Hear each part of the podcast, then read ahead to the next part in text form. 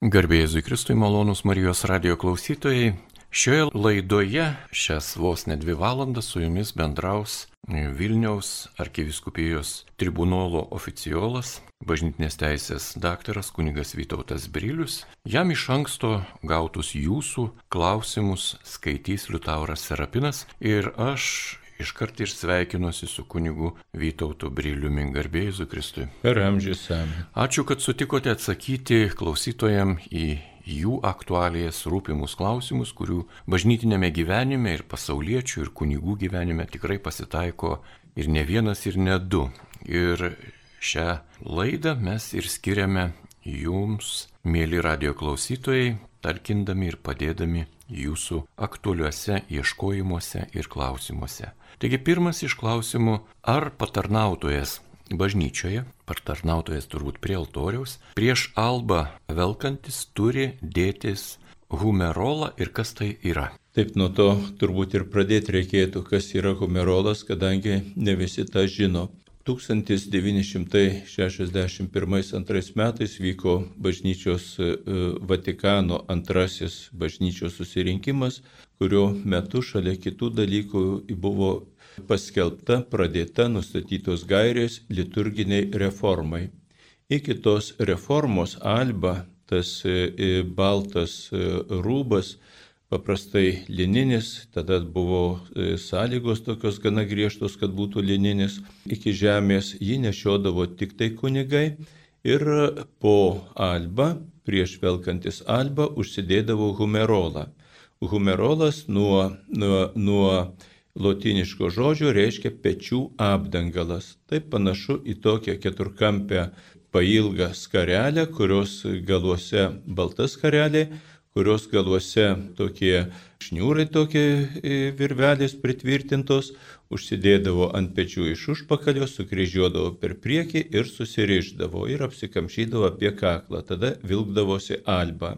Kai būdavo naudojamas ir įsakytas liturgiškai tas humerolas, pečių apdangalas, tada patarnautojai iš viso neturėjo teisės vilktis albos, jokio ilgo balto rūbo iki žemės. Tik tai įvykus reformai pasikeitė reikalavimai, palikta daug daugiau erdvės vietos vyskupų nustatymams, vietos tradicijoms, tada patarnautojai pradėjo vilktis albas arba kažką panašaus į albą. Kunigų tarnystė atsirado jau kitokio, pasakytume, kitokio stiliaus, kitokio modelio albų, kur to humerolo nereikėdavo, nes kaklas būdavo uždarytas ten su sagutėm, užtrauktukais ir, ir, ir, ir įvairių, ir dabar tas labai įvairios albos būna. Praktiškai humerolas šiuo metu yra nenaudojamas. Yra kunigų, kurie naudoja, bet daugelį kunigų patogiau yra nenaudoti. O patarnautojai e, velkasi albas, ten, kur yra velkamos albos, tačiau patarnautojams niekada nebuvo, ne, nebuvo reikalavimo užsidėti humerolą. Todėl patarnautojas prieš velkantis albą jokios pareigos humerolo užsidėti neturi. Kitas užduotas klausimas klausytojų štai toks. Kaip prasideda amžinasis gyvenimas? Pajokaujant galima pasakyti, amžinasis gyvenimas prasideda sunkiai, nes kiek teko girdėti, kada kūdikis gimsta, tai visada pradeda gyvenimą savo ašarom, verksmu ir riksmu. Negalima skirstyti atskirų gyvenimų. Žmogus turi tik vieną gyvenimą, kuris prasideda jo prasidėjimo momentu, kada atsiranda gyvybė ir iš karto atsiranda nepakartojama vienintelė žmogaus asmenybė, žmogus gauna iš Dievo kaip dovana savo nemirtingą sielą ir prasideda amžinasis gyvenimas, kuris niekada net nesibaigia. Žmogus vėliau užgimsta, vėliau užauga, įgyja sąmonę, išgirsta apie Dievą, sutinka savo artimus žmonės, net jeigu apie Dievą niekada nebūtų nieko girdėjęs, per artimą žmogų, per kiekvieną žmogų, kurį sutinka, kadangi žmogus yra Dievo paveikslas ir atspindys, jis sutinka Dievą ir eina, eina Dievo link. Arba eina nuo Dievo į save patį. Tačiau gyvenimas yra amžinas, vienas ir vienintelis. Kai pasibaigia tos kelios dešimtys mūsų žemiško gyvenimo metų ir mes išeinam iš šito gyvenimo ir praeidam regėti daug plačiau, daug giliau ir patiriam amžinybę visą buvimą kartu. Taip paprastai vadina šitą būklę amžinuoju gyvenimu. Bet iš tikrųjų tai tame gyvenime yra ir mūsų dabartinis gyvenimas. Todėl mes jau dabar gyvenam amžinų gyvenimų, mes niekada nesibaigsime. Dar vienas klausytojų klausimas. Ar statant paminklą mirusiam žmogui kapinėse ir norint jį pašventinti, būtina, kad ant paminklo būtų iškaltas ar išgraviruotas kryžiaus ženklas. O jeigu paminklas mažas ir telpa tik vardas ir pavardė, ką daryti? Turiu mobilų telefoną Ten yra ekranas, tikriausiai mažesnis už nedidelį paminklą ir ten galima parašyti mano vardą ir pavardę ir dar tilptų kryžiukas arba šventas paveiksliukas arba dar kažkas nors tokio. Todėl teisinimasis, kad paminklas per mažas, kad ten sutilptų religinis simbolis, Nu tai man atrodo toks truputį panašus į išsusukinėjimą kažkokį, galbūt dėl kažkokios kitos priežasties tas kryžiukas ten netelpa. Šiaip yra pašventinimai ir yra palaiminimai. Vėlgi pašventinimas iš esmės turi tą bruožą, kad daiktas yra pašvestas, pašvestas viešpačiai Dievui šventinami liturginiai indai, liturginiai rūbai, liturginiai pastatai, altoriai, šventi paveikslai, kurie skirti Dievo kultui, tai jo paskirtis. Paminklas kalba ne tik apie žmogaus e, žemišką gyvenimą, tai nėra vien tik tai informacinis ženklas, kad kažkada gyveno žmogus tokiu vardu, pavardė, galbūt yra jo portretas kažkoks, va, šitai atrodantis, ir gyveno nuo tada iki tada. Tai nėra tik informacinė priemonė, tai yra ženklas, kalbantis, nurodantis į amžinąjį gyvenimą. Todėl ir tas tikėjimo ženklas, nebūtinai kryžius, bet gali būti ir, ir, ir šventas paveikslas, kažkoks Marijos atvaizdas, gali būti Jėzaus atvaizdas, gali būti angelas atvaizduotas, dar kažkas, kažkoks religinis ženklas turėtų būti, kadangi paminklo paskirtis nėra grinai informacinė. Kada šventina namą, name taip pat turėtų būti šventas paveikslas, kryžius ar kažkas, bet kada šventina automobilį, dar kažkokį kitokį daiktą, tada nebūtina religinio simbolio, nes e, automobilis ne, nerodo į amžinybę. O štai paminklas jisai e, kalba apie gyvenimo prasme ir čia krikščioniškas ženklas turėtų būti. Nėra griežtai uždrausta šventinti paminklus, kur, kurie neturi religinio simbolio. Tačiau aš tikriausiai ir nešventinčiau tokio paminklo. Jeigu nėra valios parodyti religinį ženklą, tai ir to pašventinimo, mano manimu, nereikėtų. Malonus Marijos radio klausytojai girdite laidą, kurioje į jūsų klausimus, kaip įprasta šeštadieniais, atsako kunigai. Šį kartą laidoje dalyvauja Vilniaus arkiviskupijos tribunolo oficiolas, bažnytinės teisės daktaras kunigas Vytautas Brilius. Taigi tęsėme laidą. Klausimas štai toks. Ar krikštytas asmuo atkritęs nuo tikėjimo ir nebetikintis Dievu, Dievo malonę praranda? O kaip ją sugražinti? Pirmiausia, reikėtų e, prisiminti, kas yra Dievo malonė. Dievo malonė tai yra panašiai kaip ir žmogaus malonė sakysim, kažkas tai gali turėti malonę pas prezidentą, gali turėti malonę pas e, kažkokį kitą žmogų ir kažkokiais savo veiksmais gali tos malonės netekti. Taigi malonė tai yra artimas santykis, tai yra bendrystė artima.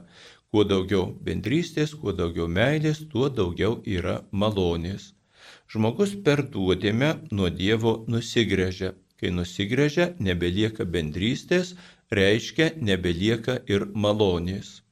Jeigu malonę suvokti taip pat ir kaip meilės e, savoka, tai Dievo meilė žmogui neišnyksta. Apaštalas e, Paulius yra parašęs, kad žmogus gali Dievo išsižadėti, žmogus gali Dievą atmesti ir jeigu jis Dievą atmeta, tai žmogus jam neprimeta savo draugystės, e, bendrystės, tačiau žmogus gali tapti neištikimas, o Dievas visada lieka ištikimas. Todėl ar žmogus būtų krikštytas ar nekrikštytas, ar tikintis ar netikintis, arba tikėjimą atmetęs, galbūt gali nekesti Dievo, tačiau Dievas vis tiek nenustoja jį mylėti. Todėl šita prasme kiekvienas žmogus malonę išsaugo. Tačiau bendrystės nėra, kadangi viena šalis viena šalis e, e, atsisako tos bendrystės ir todėl šitą prasme malonės su viešpačiu Dievu, e, pas viešpatį Dievą nėra. Tačiau jeigu tas netikintis žmogus atsigręžia į viešpatį, atsiverčia ir vėl paprašo jo bendrystės, Dievo maloniai sugrįžta su visomis dovanomis. Kitas klausimas. Pasikeitė vaiko pavardė. Prisimename pirmosios komunijos sakramentą ar kreiptis į parapiją, kur vaikas buvo krikštytas, dėl pavardės pakeitimo dokumentuose. Pirmosios komunijos ir pirmosios išpažinties sakramentai krikštų knygose nėra pažymimi. Ir todėl iš viso nėra perdodama informacija į Krikšto parapiją, kad žmogus prieimė šituos sakramentus. Tik tai sutvirt, nu, paprastu, pa, gerai išvardysiu viską, sutvirtinimo, santokos arba e, dvasinių šventimų diakonato kunigystės, o taip pat vienuolinių įžadų faktai yra pažymimi Krikštų knygoje. Todėl, kadangi e, pasikeitus ar nepasikeitus pavardėjai, pavardėjai priimi šventą komuniją, tai tikrai niekam nieko informuoti nereikia ir jokie įrašai nedaromi ir niekas nekeičiama ir niekas nekeičiama. Šiaip, jeigu pasikeičia žmogaus pavardė krikštų knygoje, e, krikštų knygoje tai nėra pažymima, tai yra civilinis grinai dalykas, o krikštų knygoje išlieka ta pavardė, kuria žmogus buvo pakrikštytas. Dar vienas klausimas. Ar per išpažinti reikia pasakyti ir aplinkybės nuodėmės?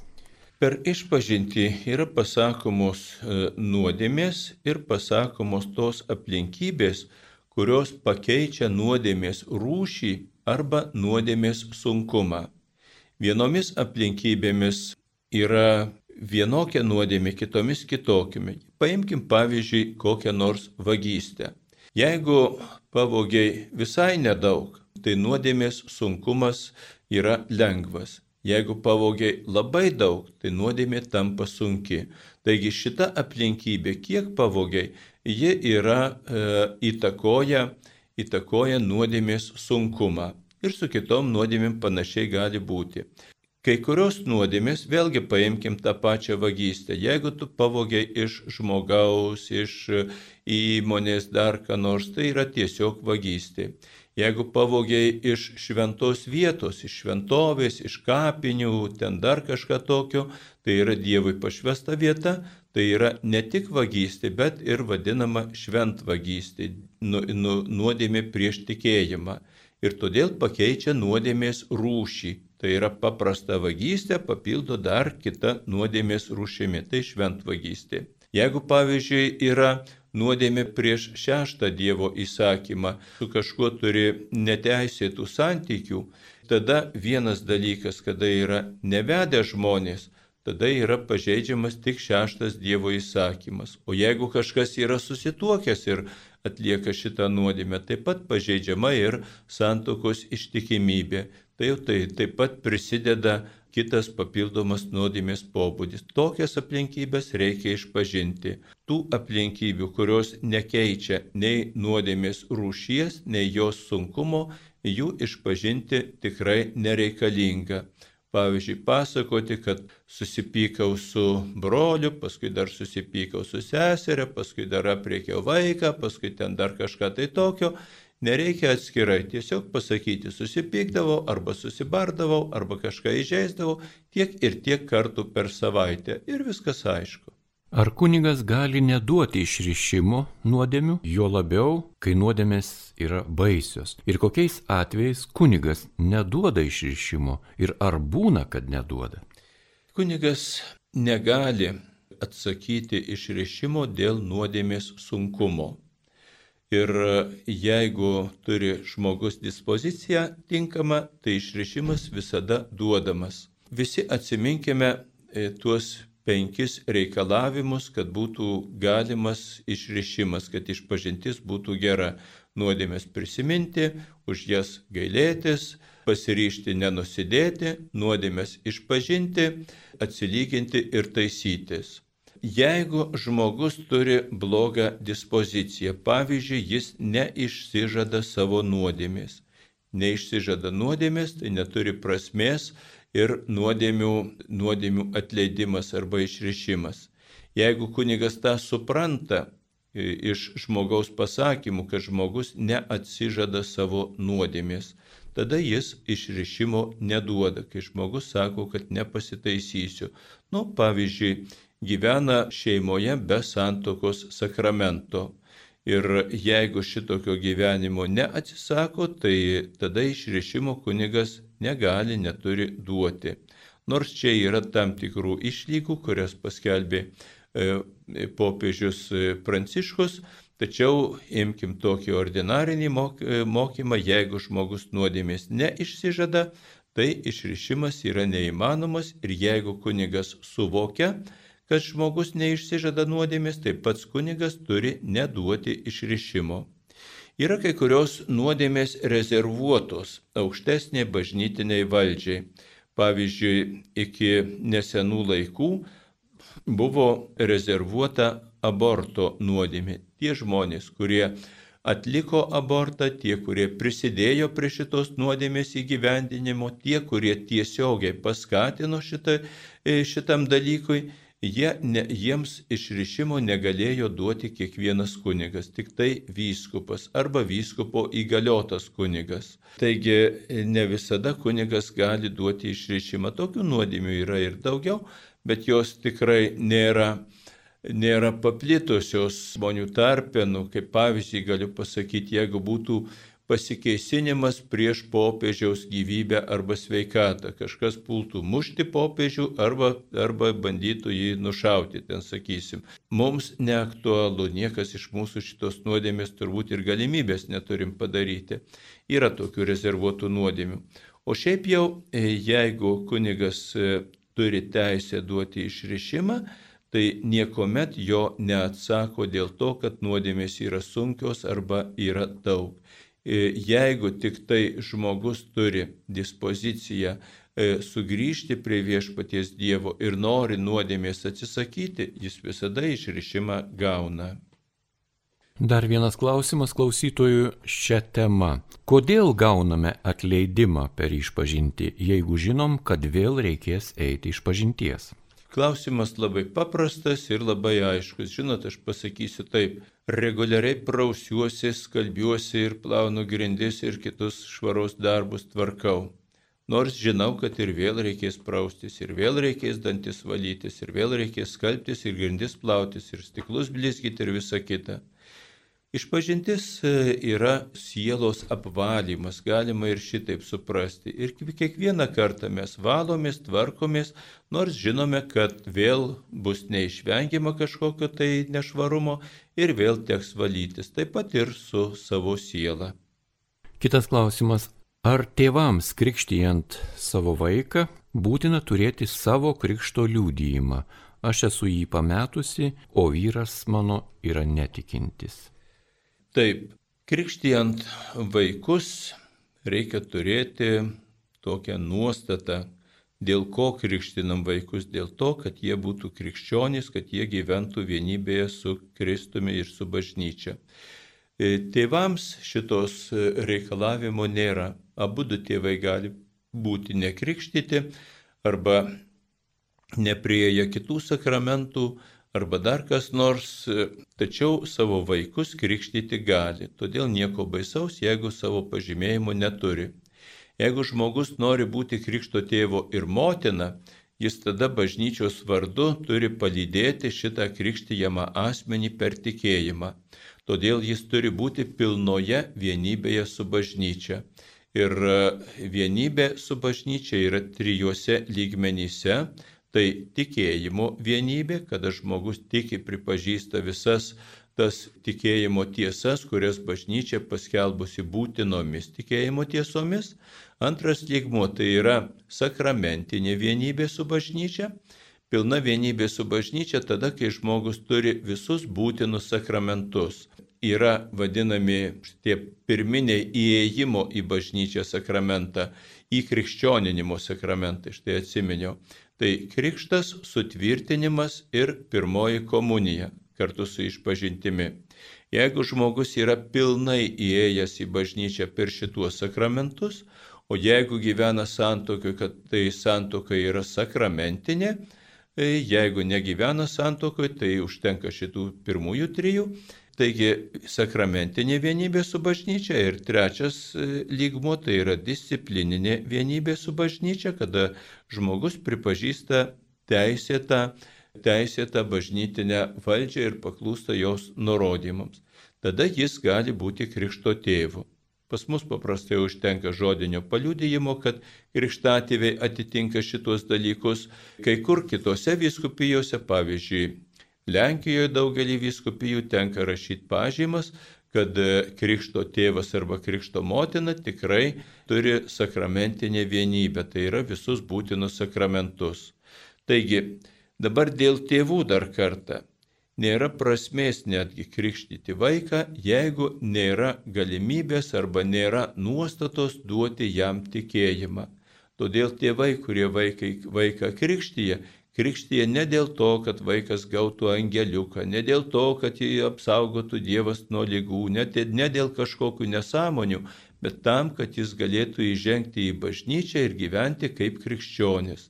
Todėl reikia susirūpinti, pagalvoti, kokiu būdu ir kaip tam vaikui bus duotas tikras tikėjimas. Kitas klausimas. Klausytoja rašo.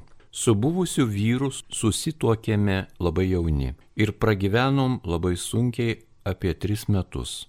Daug nesutarimų ir civilinė santoka jau išskirta, bet ne bažnyčioje. Sutikau nuostabų vyrą, sukūrėme šeimą, turim sūnelį, Labai norėčiau susituokti su juo bažnyčioje. Ar tai įmanoma? Šiuo metu neįmanoma, kadangi turite kliūtį, tai vadinama ryšio kliūtis, turite galiojančią santoką su kitu, su kitu žmogumi. Tačiau toji santoka gali būti ir negaliojanti.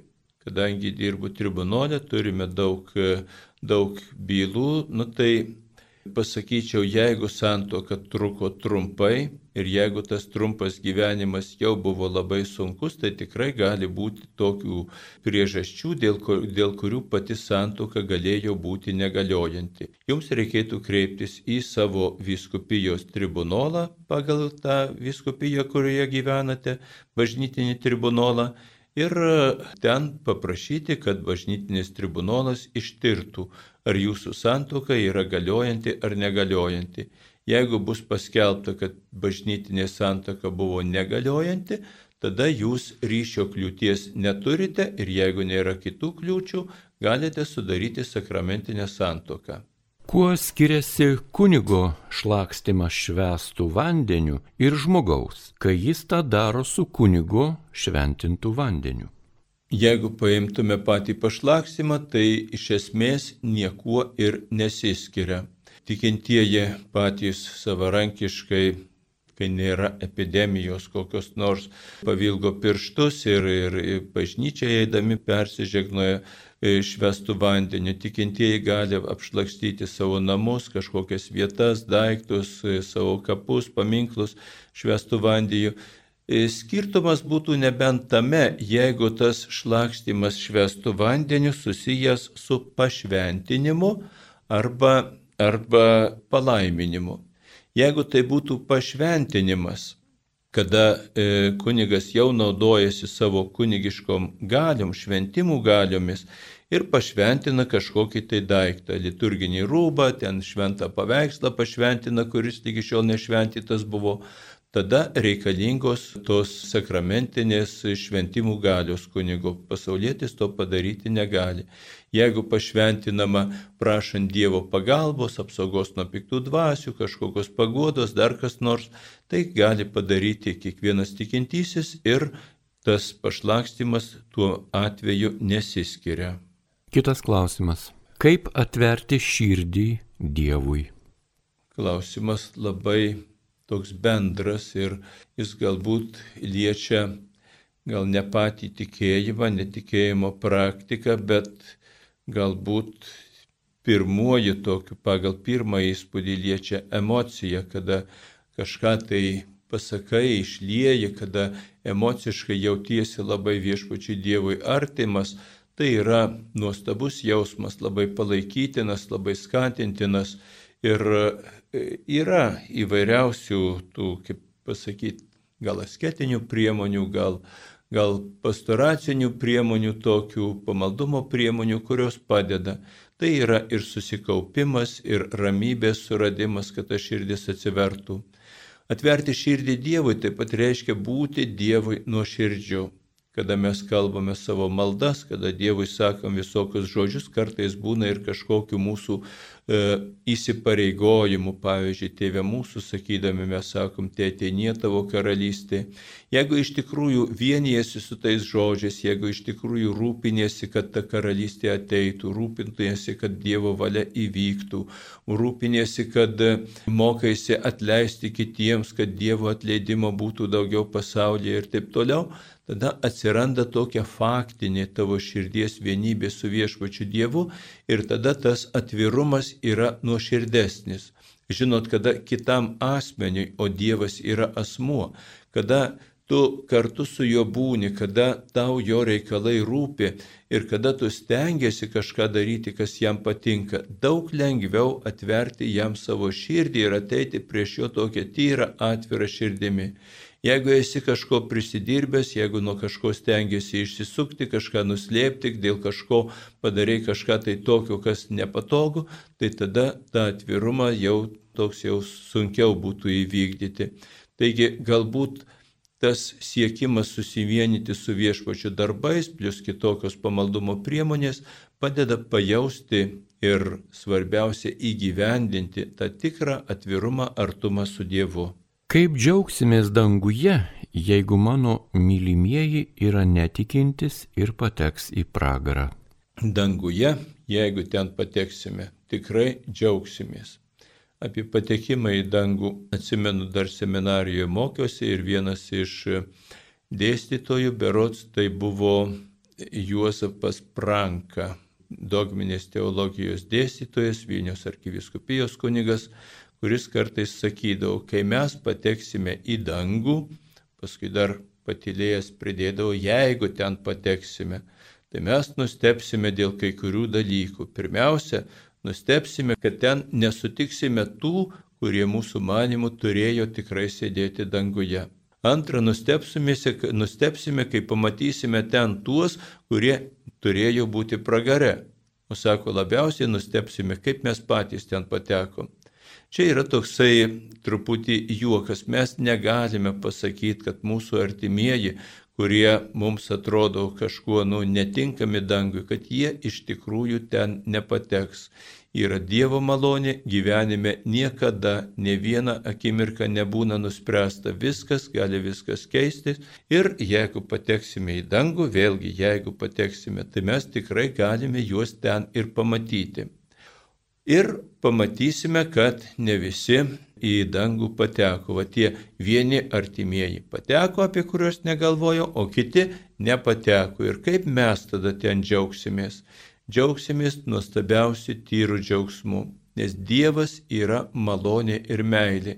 Ir mes pat pamatysim, kad visi Dievo sprendimai, net ir tie, kurie mums atrodo dabar visiškai nesuvokiami, nesuprantami, visa tai yra dėl gėrio.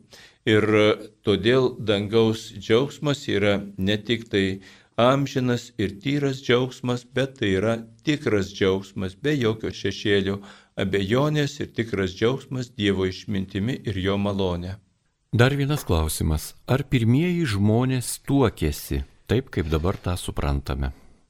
Taip, kaip dabar mes suprantame, ne pradėsime, nepradėsime net kalbėti apie apėgas, kokias nors krikščioniškas, nekrikščioniškas apėgas, e, bet kalbėsime apie santokos esmę. Santokos esmė ir to sakramento turinys, liturgiškai vadinasi sakramento materija, tai yra dviejų žmonių, vyro moters vadinamas santuokinis sutikimas. Tai yra rimtas, aiškus pasižadėjimas visada gyventi kartu, visada gyventi meilėje.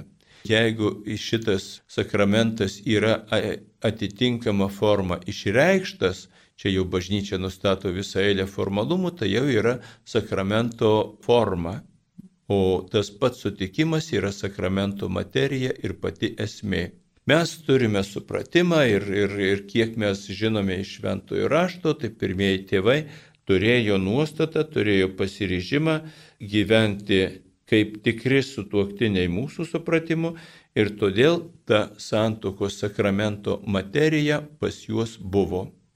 Antra, jų gyvenimą santokoje šeimoje palaimino pats Dievas. Todėl, aš manau, tikrai galima, e, galima manyti, kad, kad jie turėjo ir santuoką kaip šventą dalyką, kaip religinį dalyką, tai yra sakramentą. Todėl galima manyti, kad jie, jie buvo susituokę pagal Dievo valią ir e, tik tai ta santokos kažkokia, ar buvo ten apėgos ar nebuvo, mes nieko apie tai nežinom. Kitas klausimas ta pačia tema. Su pirmu vyru gyvename be santokos, o antras mano vyras yra prieėmęs santoką bažnyčioje ir išsiskyręs. Ar galime tuoktis bažnyčioje? Bažnyčioje tuokti galite, jeigu neturite kanoniškų kliūčių savo santokai. Viena iš tų kliūčių, apie kurią jūs užsiminėt, gali būti galiojančio santokinio ryšio kliūtis. Jeigu jūs esate krikštyta ir susituokusi tik civiliniai santokoj, tai bažnytinės santokos ryšio kliūties jūs neturite. Iš jūsų pusės santoka yra galima. Iš jūsų e, dabartinio e, vyro, su kuriuo gyvenant, jis, jis tikrai turi santokinio ryšio kliūtį. E, arba tik, nu, tikrai turi tą kliūtį. Ar bažnyčia gali įrodyti, kad ta pirmoji jo santoka buvo negaliojanti ir tokiu atveju būtų panaikinta šita kliūtis, šitą gali iš, išaiškinti bažnytinis teismas. Todėl jūsų vyras e, galėtų kreiptis į savo viskupijos bažnytinį tribunolą, ten bus išaiškita, ar jis turi tą kliūtį ar neturi. Ir jeigu bus sprendime parašyti, kad šitos kliūties neturi, tada jis darė, gali daryti, sudaryti sakramentinę santuoką, pavyzdžiui, kad ir su jumis. Kodėl bažnytiniai teisėjai svarsto apie tai, kas buvo tarp dviejų žmonių santokoje? Objektyviai daug ko įrodyti nebeįmanoma. Gal reikėtų visą tai palikti Dievo teismui? Dievo teismas paliečia kiekvieną dalyką ir Dievo, dievo nuomonę, jo sprendimą apie mūsų gyvenimą mes tikrai visi išgirsime. Tik tai Dievas neišrašo pažymų, pavyzdžiui, apie sutuoktinius, kad vienas iš jų neturi kliūties bažnytiniai santokai ir šitą yra palikęs e, bažnyčiai. O bažnyčia tau klausimų ir įsteigus instituciją savo bažnytinį teismą, kurio tikslas nėra išnagrinėti, kas buvo tarp dviejų žmonių santokoje. Aš manau, kad pirmiausia, kas buvo tarp tų dviejų žmonių, tai buvo meilė tarp jų, o paskui įvyko kažkas negerai, dėl ko jie išsiskyrė. Va. Ir tas visas negerai. Bažnyčia svarsto, tas aplinkybės ir bando išsiaiškyti, ar tie negerumai, kurie buvo tarptų žmonių, jų trūkumai kažkokie, ar jie buvo tokie dideli, kad pati santoka buvo negaliojanti. Štai kokiu tikslu bažnyčia ir tas tribunolas svarsto ir klausia apie tų žmonių gyvenimą. Jeigu paprastą pavyzdį pasakysiu, jeigu žmogus Jeigu žmogus e, tuokdamasis atmetė santokinę ištikimybę ir bažnytinę priesaiką davė melagingai, tada, tada santoka yra negaliojanti. O iš ko sužinoti, ar jis atmetė ar neatmetė tą ištikimybę? Jeigu jis buvo neištikimas, pavyzdžiui, draugystės sužadėtuvių metu, kai kurie žmonės draugauja ten, ten, nežinau, metų metais, net kartu gyvena, bet vienas kažkuris visą laiką būna neištikimas, bėgioja vienur kitur. Jeigu iš karto po santokos tęsia neištikimybę, jau tada galima padaryti išvadą, kad šitas žmogus iš principo atmeta santokinę ištikimybę ir todėl jis negali galiojančiai prisiekti, kad, būtų, kad bus ištikimas, nes jis ištikimybę atmeta. Jeigu žmogus neturi supratimo, neturi, neturi pajėgumo, neturi suvokimo, kad reikia kitam įsipareigoti ir, ir, ir, ir kaip koks katinas, aš nežinau, nuo savo mamos kelių persėda ant žmonos kelių, ar ten e, moteris šitaip nežino, kad šeima reikia rūpintis, tada jis nėra įgalus su įsipareigoti visam gyvenimui, santokiniams pareigoms, kurios yra svarbios ir sunkios. O kaip šitos dalykus e, išnagrinėti, ištirsi, jeigu nepasidomėsi ir nepasižiūrėsi, koks buvo žmogaus gyvenimas, kaip jis elgėsi, kokį supratimą turėjo prieš santoką, iš kokios šeimos yra kilęs, kaip jisai santokai elgėsi ir taip toliau ir taip toliau. Taip kad tribunolas, kai žmogus paprašo, tarp kitko, tribunolas niekada neįs į bet kokią šeimą ir nepradės nagrinėti, o kokie ten santykiai tai tarp vyro ir žmonaus. Tada, kai ateina žmogus, kai paprašo, kad ištirkite mūsų gyvenimą ir nustatykite, ar mūsų santoka, ar mes buvome tokie, kad mūsų santoka galioja, ar mes buvom tokie, kad buvom neįgalus sudaryti santoką. Tada patys žmonės pakviečia liudininkus, patys duoda savo parodymus ir tada tribunolas e, svarsto ir paskelbia savo sprendimą. Dar vienas klausimas. Tema, kuri liečia bažnytinį tribunolą. Bažnytinėme teisme prisiekiama sakyti tiesą padėjus ranką ant Biblijos. O jeigu vis tiek meluojama, kas tada? Tada blogai. Tada, tada tas, kuris melagingai liūdijo teisme po priesaikos, jis turėtų eiti iš pažinties ir išpažinti savo nuodėmę, kad melagingai liūdėjau, kad sulaužiau priesaiką. Ir kunigas, kuris išgirsta šituos e, dalykus bažnyčioj, jis duoda išrišimą iš nuodėmių su ta sąlyga, kad žmogus savo nuodėmę atitaisytų. Atsimenam penkias atgailos e, dalis. Ketvirtoji yra už nuodėmės atsilyginti ir pasitaisyti. Toks žmogus turėtų sugrįžti atgal į tribunolą ir pasakyti, kad va šituose ir šituose dalykuose pasakiau neteisingai, tribunolas apiformins ten tuos dalykus ir bus klaida ištaisyta. Jeigu žmogus šito nepadaro, tai jis ir gyvena nuodėmiai. Ir ta nuodėmė netgi gali būti sunki. Kaip gailėtis jeigu žinau, kad vis tiek ateityje nusidėsiu? Na, beveik mes atsakym čia ankstesniam klausime, kodėl eiti iš pažinties, jeigu ir vėl reikės eitis. Gailestis už nuodėmės ir su juo labai susijęs pasiryžimas daugiau nebenusidėti, tai nėra prisėmimas griežtos pareigos. Nu, tarp kitko, mes turim pareigą nenusidėti. Va. Tačiau žinai, kad vis tiek nusidėsi. Ir todėl tas pasiryžimas nebenusidėti, jis turėtų pramatyti priemonės, kokiu priemonių imsiuosi ir ką realiai darysiu, kad tų nuodėmių būtų mažiau, kad jos mažėtų. Va šitas dalykas tikrai yra įmanomas.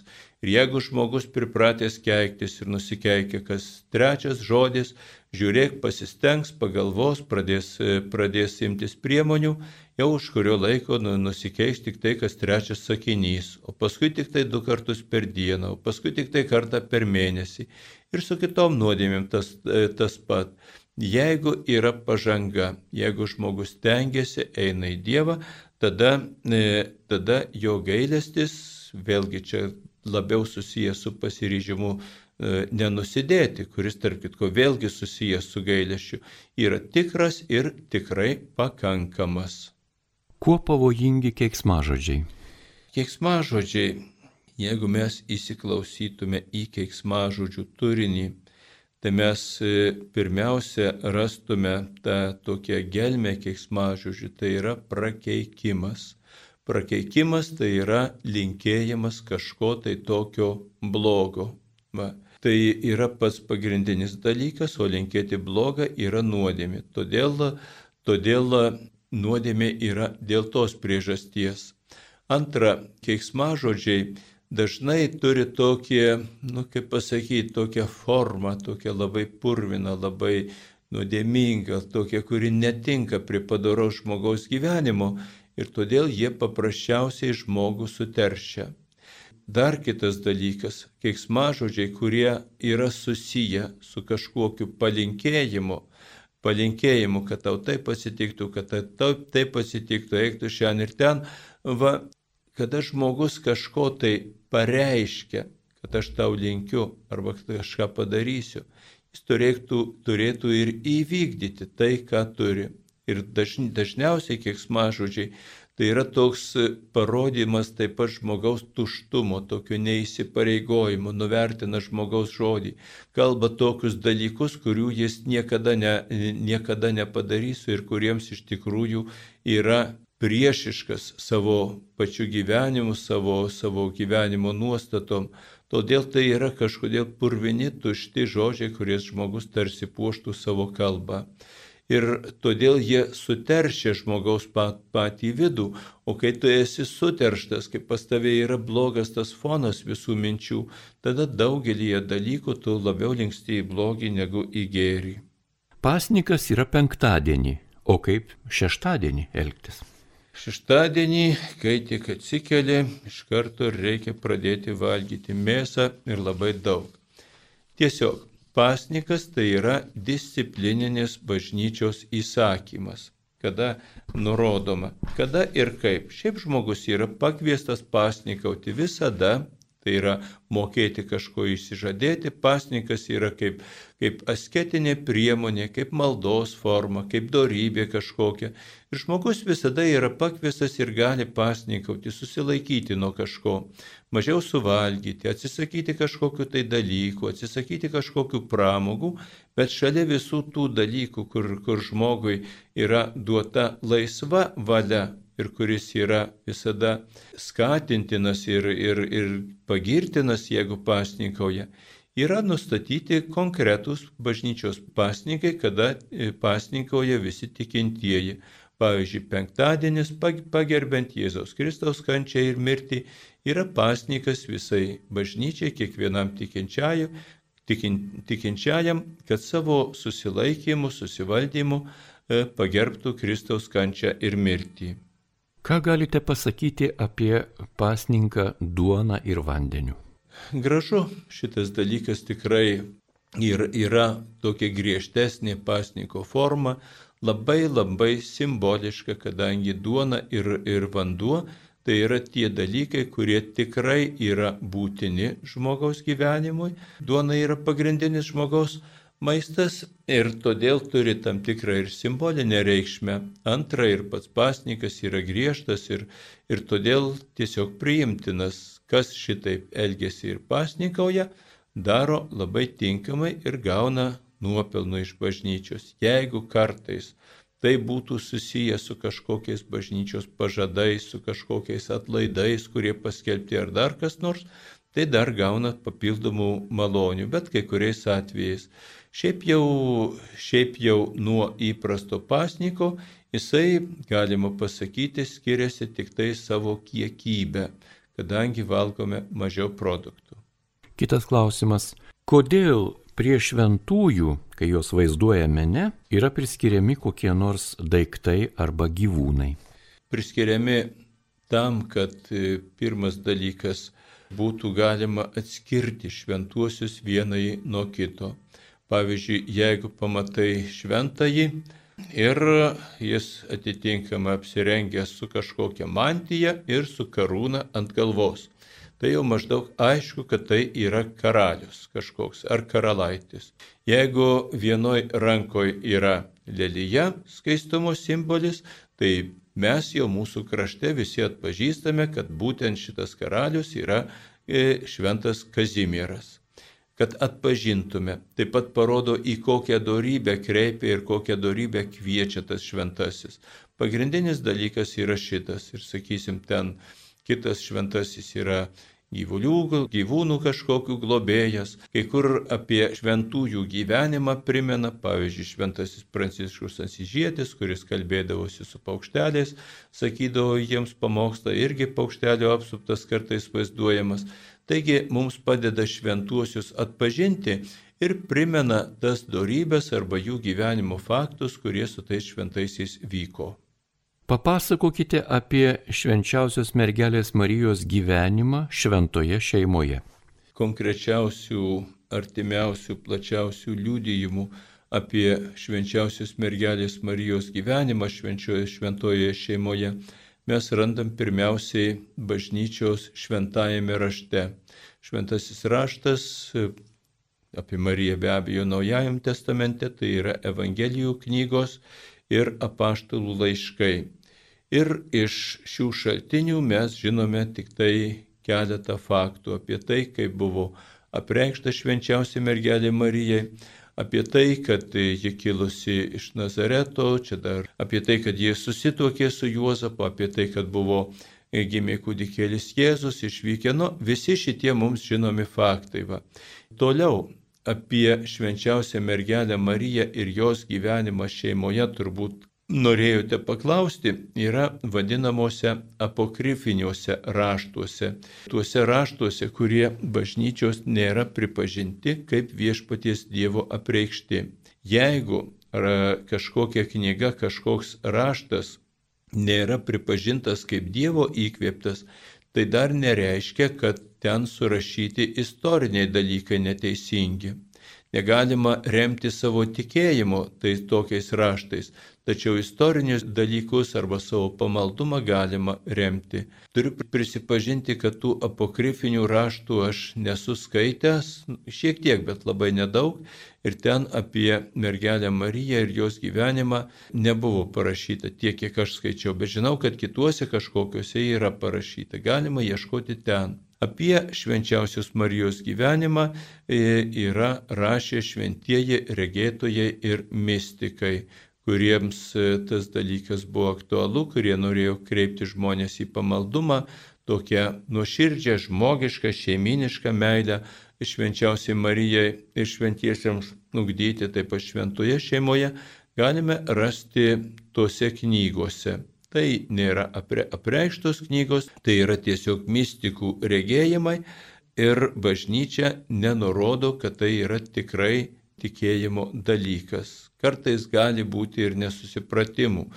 Vieną žmogų pažinojau, kuris skaitė ir domėjosi ir savo gyvenimą bandė derinti arba suvokti gyvenimą pagal Šventojios Marijos Alekok regėjimus, kurių jinai prirašius, tarp kitko ir apie šventą šeimą, ir apie Mariją.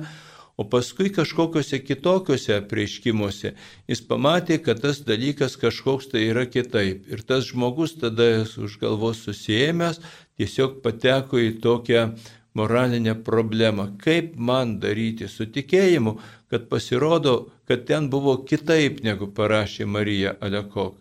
Va, būna tokių problemų. Bet šiaip, kas yra būtina mūsų tikėjimui, yra parašyta bažnyčios raštuose, aprobuotose raštuose, įkvėptuose raštuose. Tuose e, tų dalykų mūsų tikėjimui tikrai pakanka. Jeigu mes norime daugiau, norėdami puoselėti meilę švenčiausiai Marijai ir, ir, ir stiprinti tą savo jausmą, aišku, galim ieškoti ir naudotis ir duok Dievę, kad padeda tikėjimu tokie raštai. Kitas klausimas. Kada pražydo Juozapo lasda? Šventasis Juozapas, mergelės Marijos žadėtinis ir vyras. Tiesą sakant, aš abejoju, ar jis gyvenime iš tikrųjų turėjo lasdą. Jis mirė jaunas, gal dar nereikėjo jam vaikščioti su lasda. O gal, kas ten žino. Pasidomėjau šito klausimu ir tai nėra kažkokios istorijos klausimas ir, ir tai nėra svarbu, kada pražydo Juozapo lasda. Tai yra liturginis klausimas arba, jeigu dar tiksl, tiksliant, ikonografinis klausimas. Ir štai ką radau šitam internete https katechetika.lt. Ten parašyta taip e, apie ikonografiją. Kadangi Juozapas buvo Jėzaus globėjas, jis vaizduojamas su kūdikėliu Jėzumi. Pagrindinis Juozapo atributas yra migdolo žiedais pražydusi lasda. Migdolo žiedai priskiriami Juozapui ne tik todėl, kad saldus kaip migdolo, graikiškai amigdalė, branduolys kietame kevale, yra tarsi brangenybė nesudaužomame keute. Hebrajiškas žodis sakėd, tai yra migdolas, labai panašus į žodį šakat - saugoti, o Juozapas kaip tik ir saugojo Mariją ir Jėzų. Taigi migdolo žiedais pražydosi lasda e, vaizduoja ypač per amžius, per tuos šimtmečius, šimtmečius, tiems neraštingiems žmonėms, kurių dauguma buvo neraštingi, vaizduodavo, kad Juozapas yra tarsi brangenybė ir kad jis yra šeimos santokos saugotojas. Taip pat šventas Juozapas vaizduojamas su lelyje, reiškiančia tyrumą, skaistybę ir prisimenant lauko lelyjas iš palyginimo pagal Mato Evangeliją, 6 skyrius 28 eilutė, kur Jėzus sako, pažvelkite į lauko lelyjas, jos nesėja ir neaudžia, o pasipuošusios gražiau negu Saliamonas visoje savo grožybėje. Taigi visiškas atsidavimas Dievo valiai. E, vėlgi matome tyrumą skaistybę, bet taip pat ir atsidavimas Dievo valiai. Dar vaizduojamas šventas Juozapas su balandžiu, kuris susijęs su, su vestuvėmis, tai labai retas iš nedaugelio Juozapo paveikslų. E, taip pat e, Jeigu du balandžiai, tai yra atnaša per Jėzos aukojimą šventykloje. Malonus Marijos radio klausytojais girdite laidą, kurioje į jūsų klausimus atsako kunigas Vytautas Brilius. Dabar jūs kviečiame pasiklausyti Vatikano žinių ir tai bus mažas intarpas kaip pertraukėlė šioje laidoje, o po jų iš karto pratesime laidą, kurioje į jūsų klausimus atsiustus trumposiomis esame žinutėmis ir elektroniniu paštu šioje laidoje atsako Vilniaus arkiviskupijos tribunolo oficiolas, bažnytinės teisės daktaras kunigas Vytautas Brilius, o jūsų klausimus skaito Liutauras Serapinas. Čia Marijos radijas.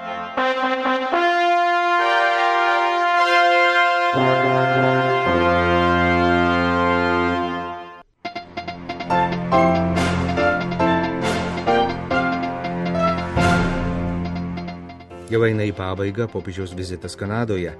Ketvirtadienio vakarą Pranciškus Kvebeke susitiko su vyskupais kunigais vienuoliais ir silovados darbe dalyvaujančiais pasauliečiais penktadienį įvyko dar vienas jo susitikimas su Kanados čiabuviais. Ketvirtadienį Ukraina minėjo Krikšto ir valstybingumo šventę. Jie buvo paminėta ir ketvirtadienį bei penktadienį Ukrainos graikų apieigų katalikų vadovo paskelbtose vaizdo žiniuose. Malonūs Marijos radio klausytojai, tęsėme laidą Klausk drąsiai. Ir šioje laidoje į jūsų gerbiami radio klausytojai klausimus atsako Vilniaus arkiviskupijos tribunolo oficiolas bažnytinės teisės daktaras kunigas Vytautas Brilius, o jūsų klausimus į eterį skaito Liutauras Serapinas. Taigi gerbiamas kunigė, dėkoju Jums už pirmą laidos dalį, kurioje Jūs tikrai atsakėte į labai daug klausimų, net jeigu taip reikėtų pasakyti, maždaug apie 30 klausimų išlūkštenote į eterį, liko dar panašiai tiek ir turbūt tęsime taip. Taigi kitas klausimas. Kodėl sakoma, kad Dievas nebaudžia, jei apie tai rašoma šventajame rašte? Labai. Tai yra toks žmogiškas pasakymas, kad Dievas baudžia. Šventajame rašte Dievas žmonėms kalbėjo jiems suprantama kalba. Atsekti priežastingumą tarp, tarp nuodėmės ir, ir bausmės už nuodėmę yra labai sunku, kada žmogus bando atsekti atsekti tiesioginį priežastingumą gyvenime, kasdienybė taip pasitaiko, kažkam atsitiko kažkokia nelaimė, lyga ar dar kas nors Ir žiūrėk, kažkas paėmė ir iš karto susiekė ir išaiškino, kadangi tas žmogus padarė tokį ir tokį blogą darbą, tai būtent šitas dalykas yra bausmė. Šitaip iš viso negalima svarstyti. Nors būna tai ir sutapimų, ir dėsningumų, tačiau tiesioginės tokios priklausomybės niekada nėra. Ir Dievas iš tikrųjų neleidžia, nu, tiesiogiai nebaudžia žmonių. Tiesiog Dievas leidžia, kad įvyktų tos pasiekmes, kurių priežastimi yra žmogaus netinkamas elgesys, netinkamas protas. Vėlgi pakartosiu, jau šiandien toj laidoje kalbėjau apie buvusį dėstytoją mano kuniga Juozapą Pranką, kuris mėgdavo sakyti taip, ką daro Dievas, jeigu nori nubausti zuikį. Duoda jam drąsos. Ar čia Dievas tą galvą zuikį nusuko, ar ten e, įkišo vilkų į nasrus, ar pats zuikis, jis gavo drąsos, pradėjo elgtis ne taip, kaip jam prigimties, prigimties nustatyta ir už tai labai trumpai gyvena. Jeigu mes paimsim tas vadinamas septynis didžiasias nuodėmės, kurios, kur, kurių daugelis yra socialinio požymio, pobūdžio nuodėmės, jos ne dėl to nuodėmės, kad jos būtų labai didelis, bet jos yra bausmę nešančios, kitas nuodėmės gimdančios nuodėmės, kurios yra net pagimdytos žmogaus netinkamo elgesio. Ypač tos, apie kurias senam katekizme būdavo tokius Dievo keršto žemėje, E, šaukiančios nuodėmės.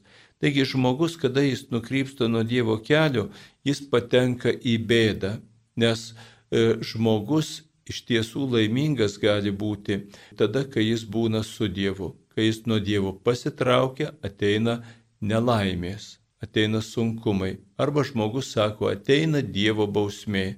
Ir Dievas suprantama kalba sako, jeigu jūs nesielgsite gerai, tada jums bus blogai. Žmonės supranta, čia bus Dievo bausmė, nubaus, jeigu blogai pasielgsime. Todėl bausmės už nuodėmės, galima sakyti, visada ateina, ta prasme, kad, e, kad priežastis visada sukuria padarinį, tačiau tai nėra atskiras Dievo veiksmas, tiesiog Dievas leidžia, kad tas e, padarinys įvyktų. Kodėl popiežius griežtai nepasisako dėl tų, kurie daro blogą. Popiežius pasisako dėl tų, kurie daro blogą ir pasisako labai bažnytiniu būdu, tai yra pagal Kristų. Jėzus Kristus taip pat neatėjo bausti nusidėjėlių, neatėjo gaudyti visų kaltųjų ir, ir kiekvienam rodyti pirštu. Jis ar atėjo parodyti išganimo kelią. Žmonės žiūrėkite, štai Dievą galime rasti šitaip per žmogišką gyvenimą, laikantis jo įsakymų. Jeigu šito nedarysite, jūs neturėsit amžino gyvenimo. Tokie buvo Jėzaus žodžiai. Ir popiežius daugeliu atveju ir, ir visada, vėlgi, vienybėje su visa bažnyčia ir su jos mokymu visada sako, kad nuodėmė veda į blogį, tuo pačiu nusidėjėlius tarsi pasmerkia, tarsi konstantuoja, kad jie e, eina į blogį ir į blogą atlygį už savo nuodėmingą gyvenimą, tačiau išvadinti juos visokiais žodžiais, gaudyti ir grasinti kažkokiais, popiežius tikrai šito nedaro, nes tai būtų nebažnytiška ir nekrikščioniška. Kitas klausimas. Kaip Jūs vertinate įvykusi Lietuvoje sinodą? Lietuvos, Lietuvoje vykusi bažnytinio dabar tebe vykstančio sinodo dalis dar nėra apibendrinta ir, ir nėra paskelbta visos medžiagos. Tačiau iš to, kas jau yra žinoma, kas yra pasiekta tame sinode, tai galima pasakyti, kad jis jau atnešė į bažnyčią tiesioginės naudos. Kas yra bažnyčia? Bažnyčia yra, e, bažnyčia tai mes tikintieji. Vieni bažnyčioje gyvena aktyvesnį tikėjimo gyvenimą, domisi bažnyčios klausimais, sprendžia jos problemas ir, ir e, galvoja, kaip ten kažką patobulinti, kaip ugdyti tarnystę, kaip tą šventumą platinti. Kai kurie tikintieji yra tolimesni nuo bažnyčios ir jiems šitie dalykai yra kažkokie keisti, kažką nugirdo, kažką numatė, bet visada stebi iš tolo, žiūri ir vertina ką, ką daro jie bažnyčia. Artimesni tikėjimo, tikė, tikėjimai žmonės, jie sprendžia taip, ką darome mes, kur einame mes bažnyčia. Ir jie e, rinkosi, tarėsi, kėlėsi įvairiausius klausimus, jų tikrai įvairių buvo. Ir šitas dalykas visų pirma žmonėms artimesniems bažnyčiai, aktyvesniems tikintiesiems parodė mūsų bažnyčios padėtį ir iškėlė problemas, į kurias reikia atkreipti dėmesį, nes kartais to ne, nepastebi. Parodė mūsų bažnyčios plotį ir gilį, tuos visus turtus, tai kuo bažnyčia domisi, kaip, kaip ji gyvena, kas jai svarbu ir dėl to be abejo tikrai atneši naudą.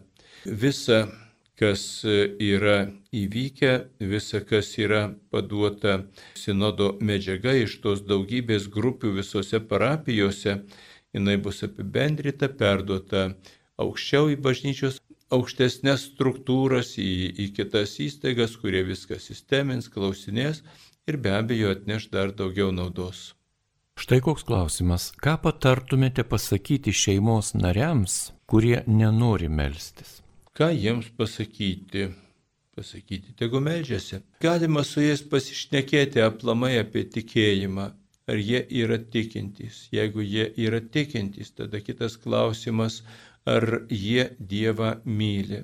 Daugelis žmonių, kurie, su kuriais ir man tenka susidurti, kurie save e, suvokia kaip tikinčius, tačiau nesimeldžia. Jeigu jie paklausi, ar jie myli Dievą, jie visada beveik atsako, kad Dievą myli. Labai retas, kuris atsako, nežinau, paprastai visi Dievą myli. Ir tada natūraliai kyla klausimas, kadangi malda tai yra pokalbis su Dievu, kaip galima mylėti su tuo, kuris visą laiką šalia, šalia tavęs, o tu su juo nesikalbi. Tai būtų toks paskatinimas į, į maldą, paskatinimas į susimastymą tiems, kurie turi gerą valią, kurie tikrai nuoširdžiai galvoja, kad yra tikintys, tačiau užsimiršę ir nuo, dievo nuto, ir nuo Dievo nutolę. Panašus klausimas, kodėl žmonės Lietuvoje taip nenori melstis ir lankyti bažnyčios?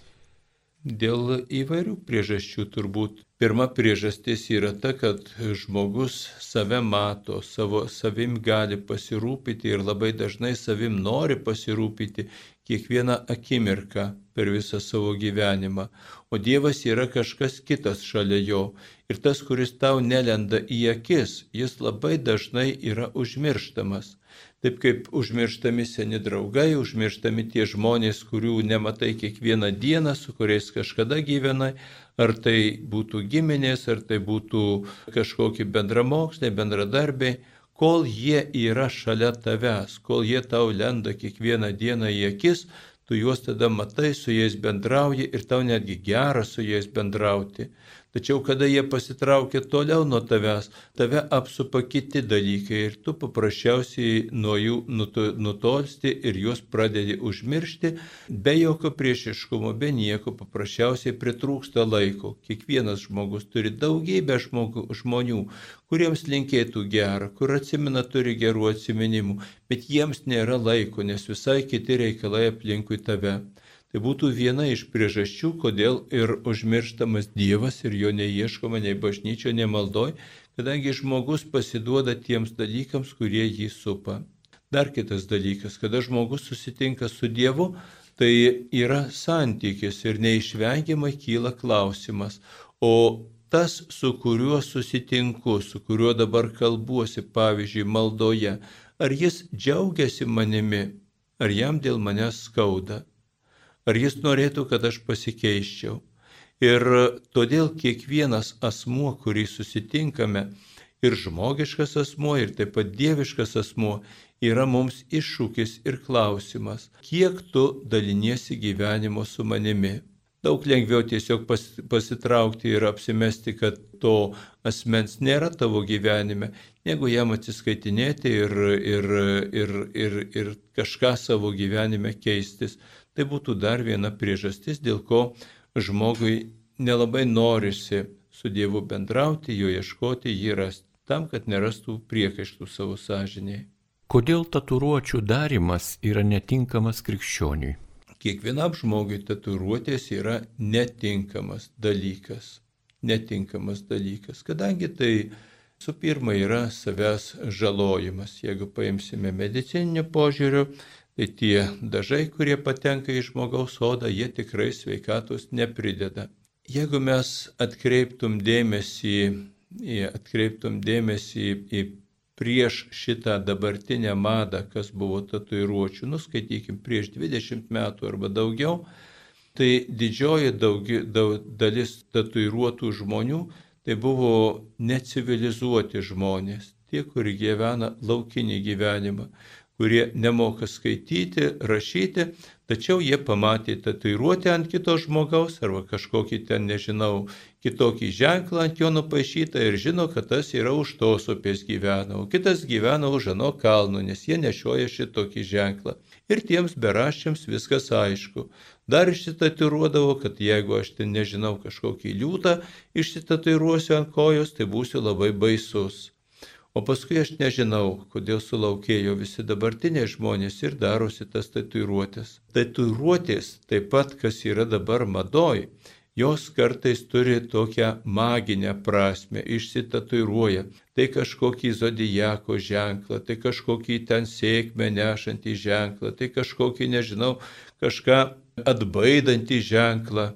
Man įdomu, dabar vasara ir yra tokių tatuiruočių, kurios atbaidytų uodus. Nežinau, bet žmonės tatuiruojasi. Dėl to tai yra neprotinga. O jeigu žmogus tatuiruojasi būtent dėl tų simbolinių reikšmių, dėl tų magiškų reikšmių, tai jau yra taip pat nuodėmė prieš tikėjimą. Šiaip tai tatuiruotės nebuvimas visų pirma yra protingumo civilizacijos ženklas. O taip pat, jeigu kas magiška prasme tatuiruojasi, tai yra nuodėmė prieš tikėjimą. Tikrai kunigė Vytautai šiais metais labai daug uodų. Matyt, toks klimatas, toks oras, kad tinka jų populiacijai ir dauginimuisi. Na, o dabar tęsime toliau Marijos radio užduotų klausimų atsakymus. Ar moterims tinka dažytis, einant į bažnyčią, plaukus, nagus, antakius ir visa kita panašiai?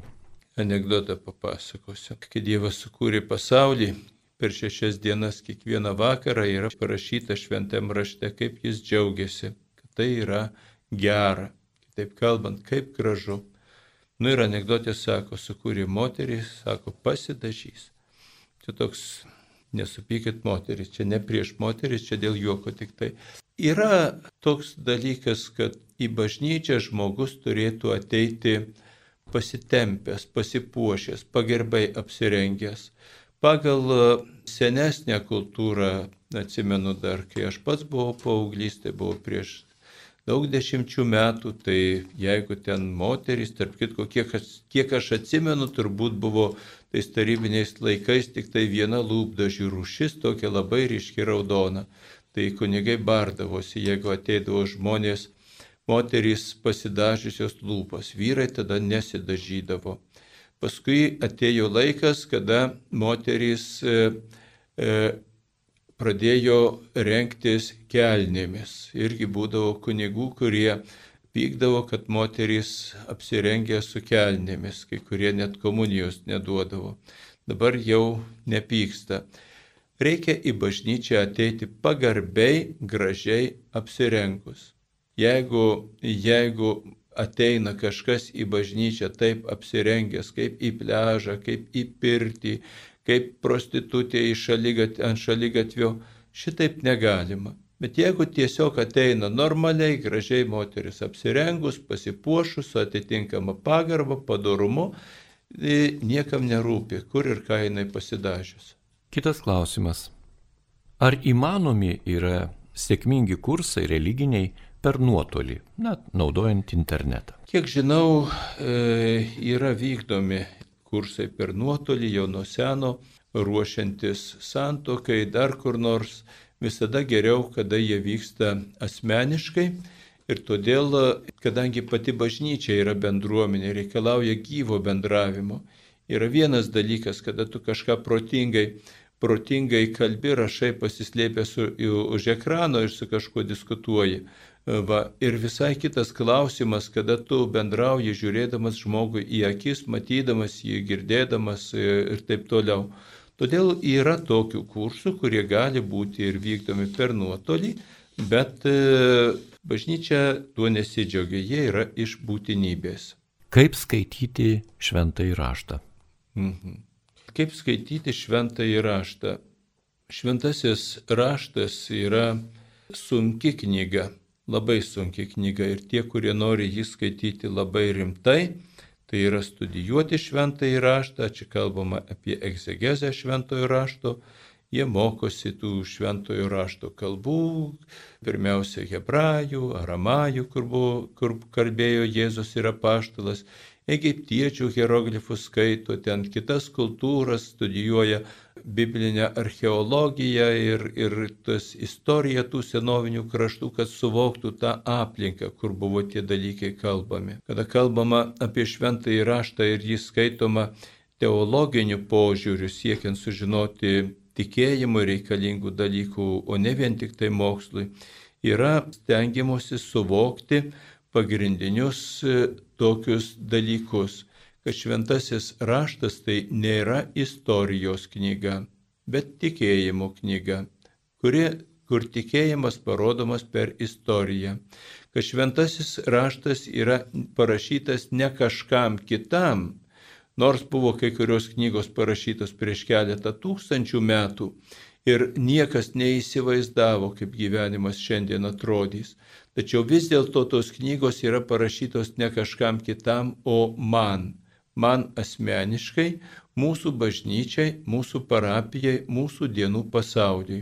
Kad kiekviename personaže, kuris yra paminėtas teigiama ar neigiama prasme, kad e, tame personaže aš galiu išvelgti ir save patį. Dėl kažko gailėtis, dėl kažko atsiversti, iš kažko pasitaisyti, kažko pasimokyti, kažko pasidžiaugti.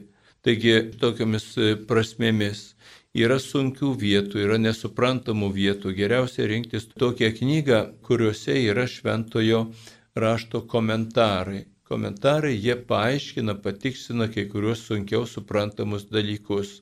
Dabar pas mus yra Biblinė Lietuvos e, komisija, kuri yra ekumeninė komisija ir kur katalikai kartu su tom vadinamom protestantiniam bažnyčiom kartu verčia, kartu tikslinasi, studijuoja, kartu publikuoja šventojo rašto knygas.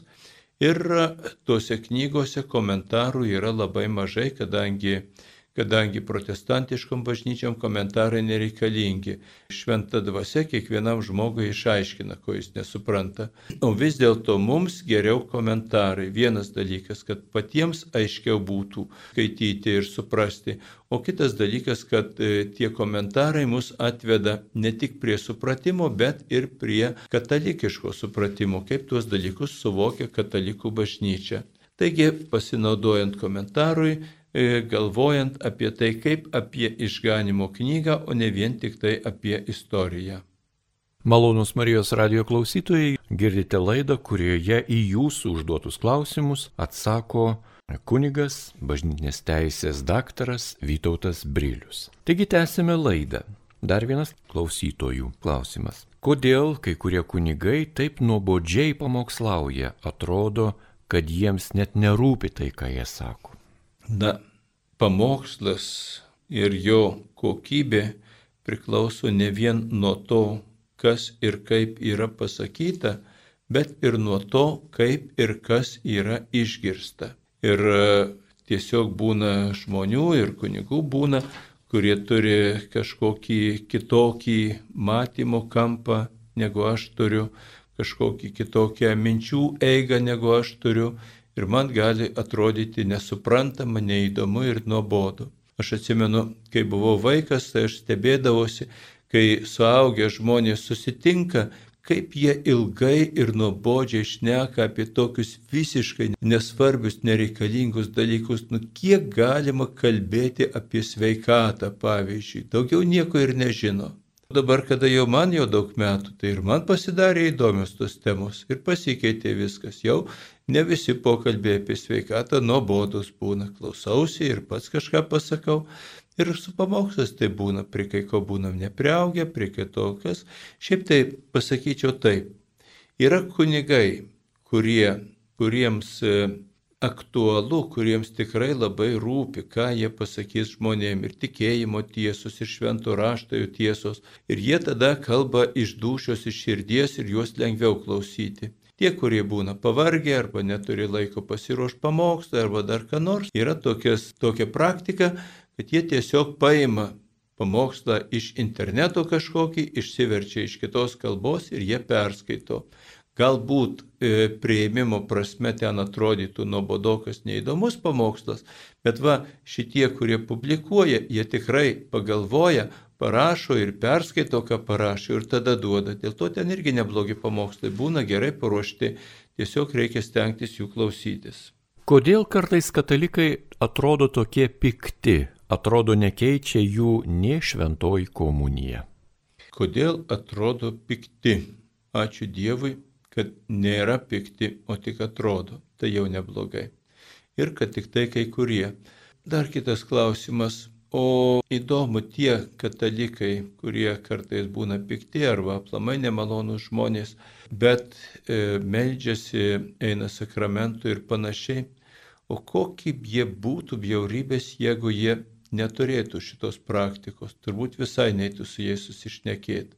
Dėl to visi žmonės yra žmonės, tie, kurie meldžiasi, kurie praktikuoja tikėjimą, kurie eina sakramentų, kurie tyria savo sąžinę, reguliariai eina iš pažinties, žiūri, ką blogo padariau, ką gero padariau, kaip man taisytis iš nuodėmių, jie daro pažangą. Ir jeigu jis yra piktas, tai jisai paskui darosi netoks piktas. Jam rūpi šitie dalykai. O tas, kuris ne, nevykdo praktikų, tai panašu, kad jam nerūpi žmo tai dalykai ir koks jis yra, toks jisai savo ir plaukia pasroviui. Kaip pasveikti nuo abejingumo? Kaip pasveikti nuo abejingumo? Reikia pradėti matyti, pradėti matyti ir tada pradėsi dalyvauti.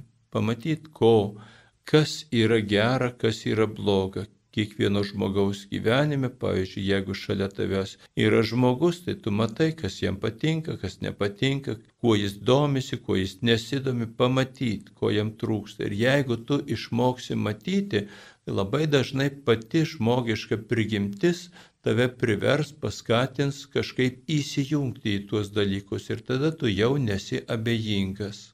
Vienas pasakymas parodyti pirštu, pirštu, kad tas yra negerai, tas yra neteisingai, tiesiog tave palieka nuo šalyje. Tu galbūt esi teisus ir tikriausiai esi teisus, kada pamatai kažkokią blogybę, trūkumą ar dar kažką. Tačiau jeigu tu lieki abejingas, tai tu nedalyvauji tuose dalykuose, tu esi išmestas ir esi nereikalingas, nereikalingas toj aplinkoj, toj terpiai, svetimas ten esi. Ir kada žmogus suvokia šitą padėtį, jisai irgi pagalvoja, ar aš norėčiau būti reikalingas, ar aš norėčiau būti geidžiamas, pageidaujamas kažkokioj tai aplinkoj, kažkokioj srityje.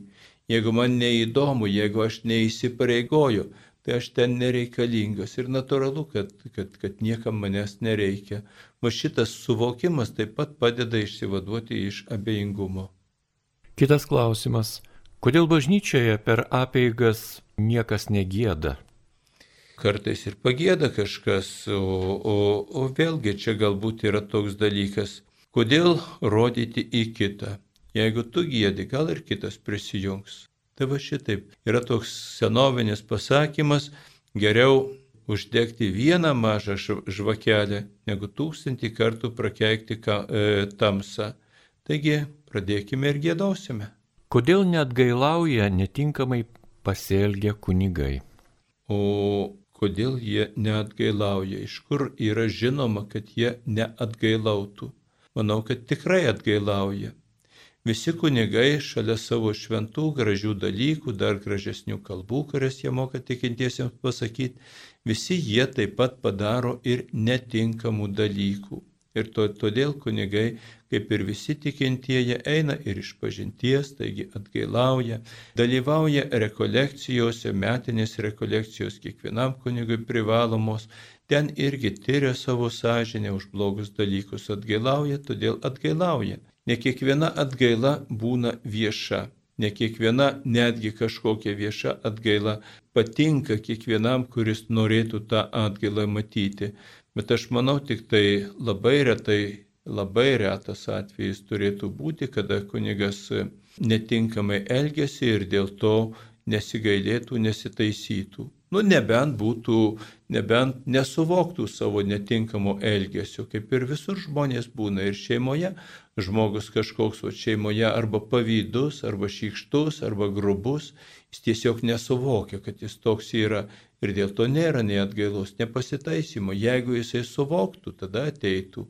Taigi mes melžiamės ir už kunigus, ir už vyskupus, kad Dievas, Dievas jiem duotų savo dvasios ir savo šviesos. Kaip atnaujinti bažnyčią? O ar reikia atnaujinti bažnyčią?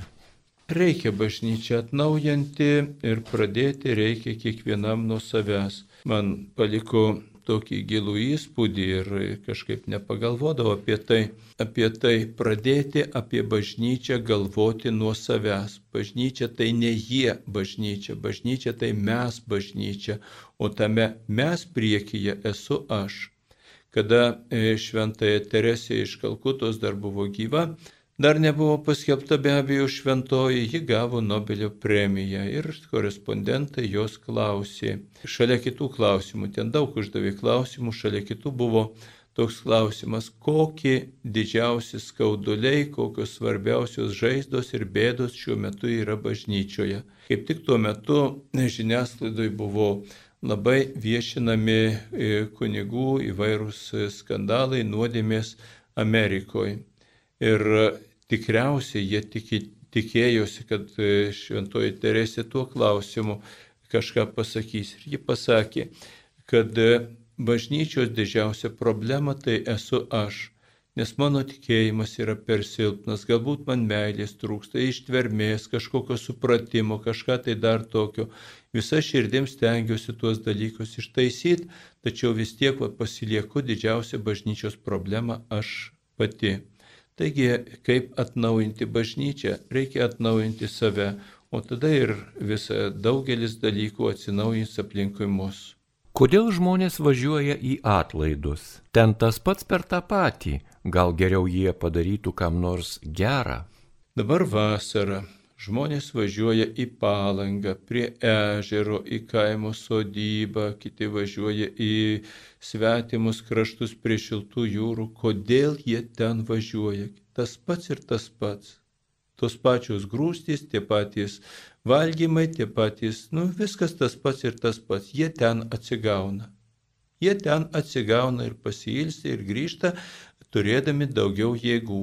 Važiuoja į atlaidus žmonės todėl, kad atsigautų dvasiškai, todėl, kad atliktų išpažinti, priimtų šventą komuniją, gautų atlaidų malonės, nuodėmių atleidimą, išgirstų gerai paruoštą pamokslą, aplankytų šventą vietą, artimesni pasijaustų Dievui, taip pat ir artimui, pabūtų su Dievu ir jie ten pasisėmė jėgų būtent dvasiniam gerumui.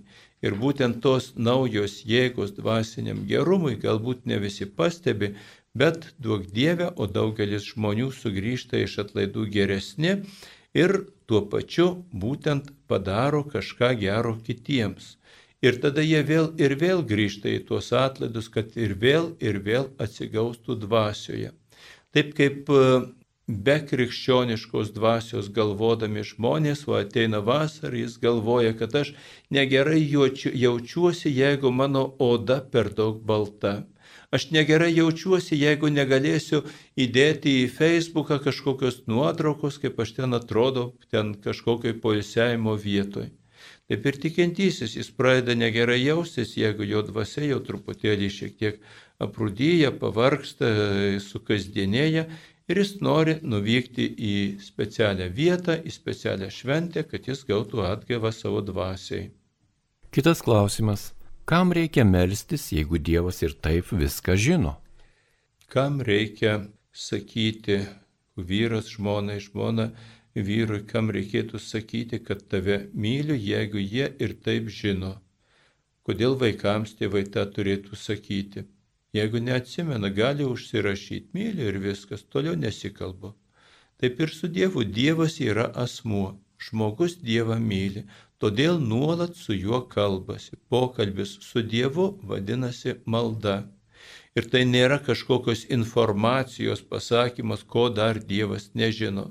Dievas viską žino, bet jisai nori, kad aš pasidalinčiau savo nuomonę, kaip man tie dalykai atrodo. Malda yra ne vien tik tai prašymas, pavyzdžiui. Maldoje yra keturi esminiai elementai. Pirmiausia, tai yra pagarbinimas, pasidžiaugimas, koks tu Dieve esi nuostabus. Ir mums kiekvienam yra gera išgirsti, kada kažkas pasako, tu esi šaunuolis, tu esi gražus, tu kažką gero padarai. Ir Dievas džiaugiasi išgirdęs šitos dalykus iš mūsų, koks tu Dieve esi nuostabus. Tai yra pirmas elementas pagarbinimas. Antras elementas yra padėka, kuri turi būti maldoje. Naturalu, kad jinai turi būti. Trečias dalykas - atsiprašymas, nes mes klystamės, nes mes padarom tokių poelgių, kuriais Dievas nesidžiaugia, dėl kurių liūdi.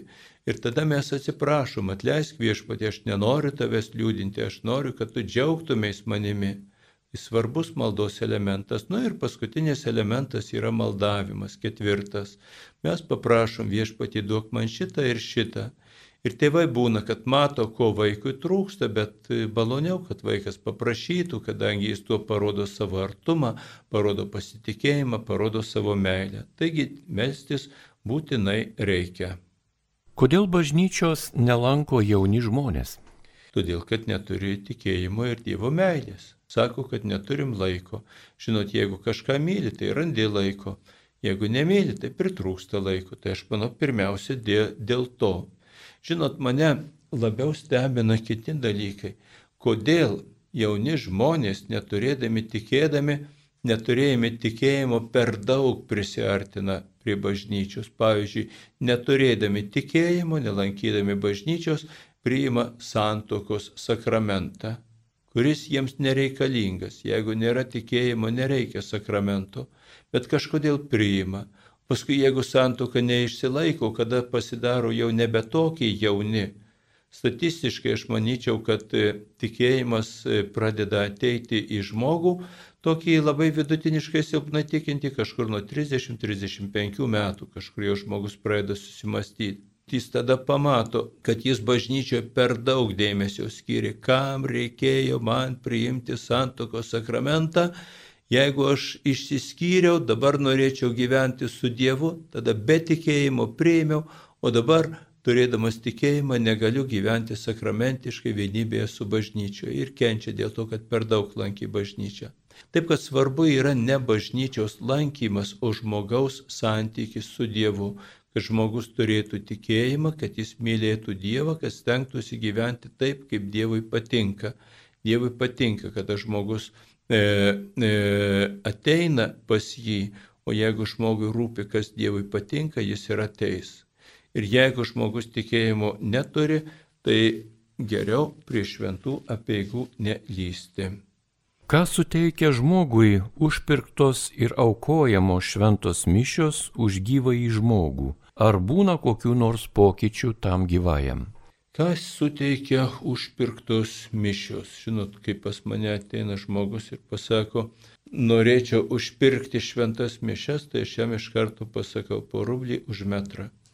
Šventos mišios yra nepardavinėjamos. Mišes galima užprašyti, galima užsakyti, galima paukoti šventą mišiam, bet jos yra neparduodamos, tai yra gyvas Kristus, tai yra mūsų susivienijimas su bažnyčia. Todėl tikrai netinka sakyti užpirkti šventasis mišes, nevartokit šitų žodžių. Mišios yra ypatinga ir pati galingiausia malda visoje bažnyčioje. Mišios tai nėra atskiras privatus reikalas kunigo, kuris aukoja šventasias žmonės, mišęs žmonių, kurie tiesiogiai arba per atstumą, galima sakyti, jungiasi su visa bažnyčia. Mišios tai yra visos visuotinės bažnyčios malda. Galima pavadinti malda, nors e, mišių prasme yra daug prasmesnė. Bet čia vadinkime malda, kadangi mes aukojame už kažkokį žmogų ir norime už jį pasimelsti, prašome jam malonės. Tai va į šitą mūsų maldą už tą žmogų įsijungia visa Kristaus bažnyčia. Kristaus bažnyčia, visi gyvieji visame pasaulyje to žmogaus nepažindami, visi mirusieji, kurie yra Dievo šviesoje arba skaistykloje, visi, e, e, visi žmonės, kurie, e, kurie priklauso Kristui. Taigi tai yra be galo galinga malda. Vėlgi, mes ne visada matom savo maldos tiesioginius padarinius, kai kada matom, kai, kai, kai kada nematom ir pasakyti, kiek reikia melstis, kad gautum šitiek malonės, mes tikrai negalime.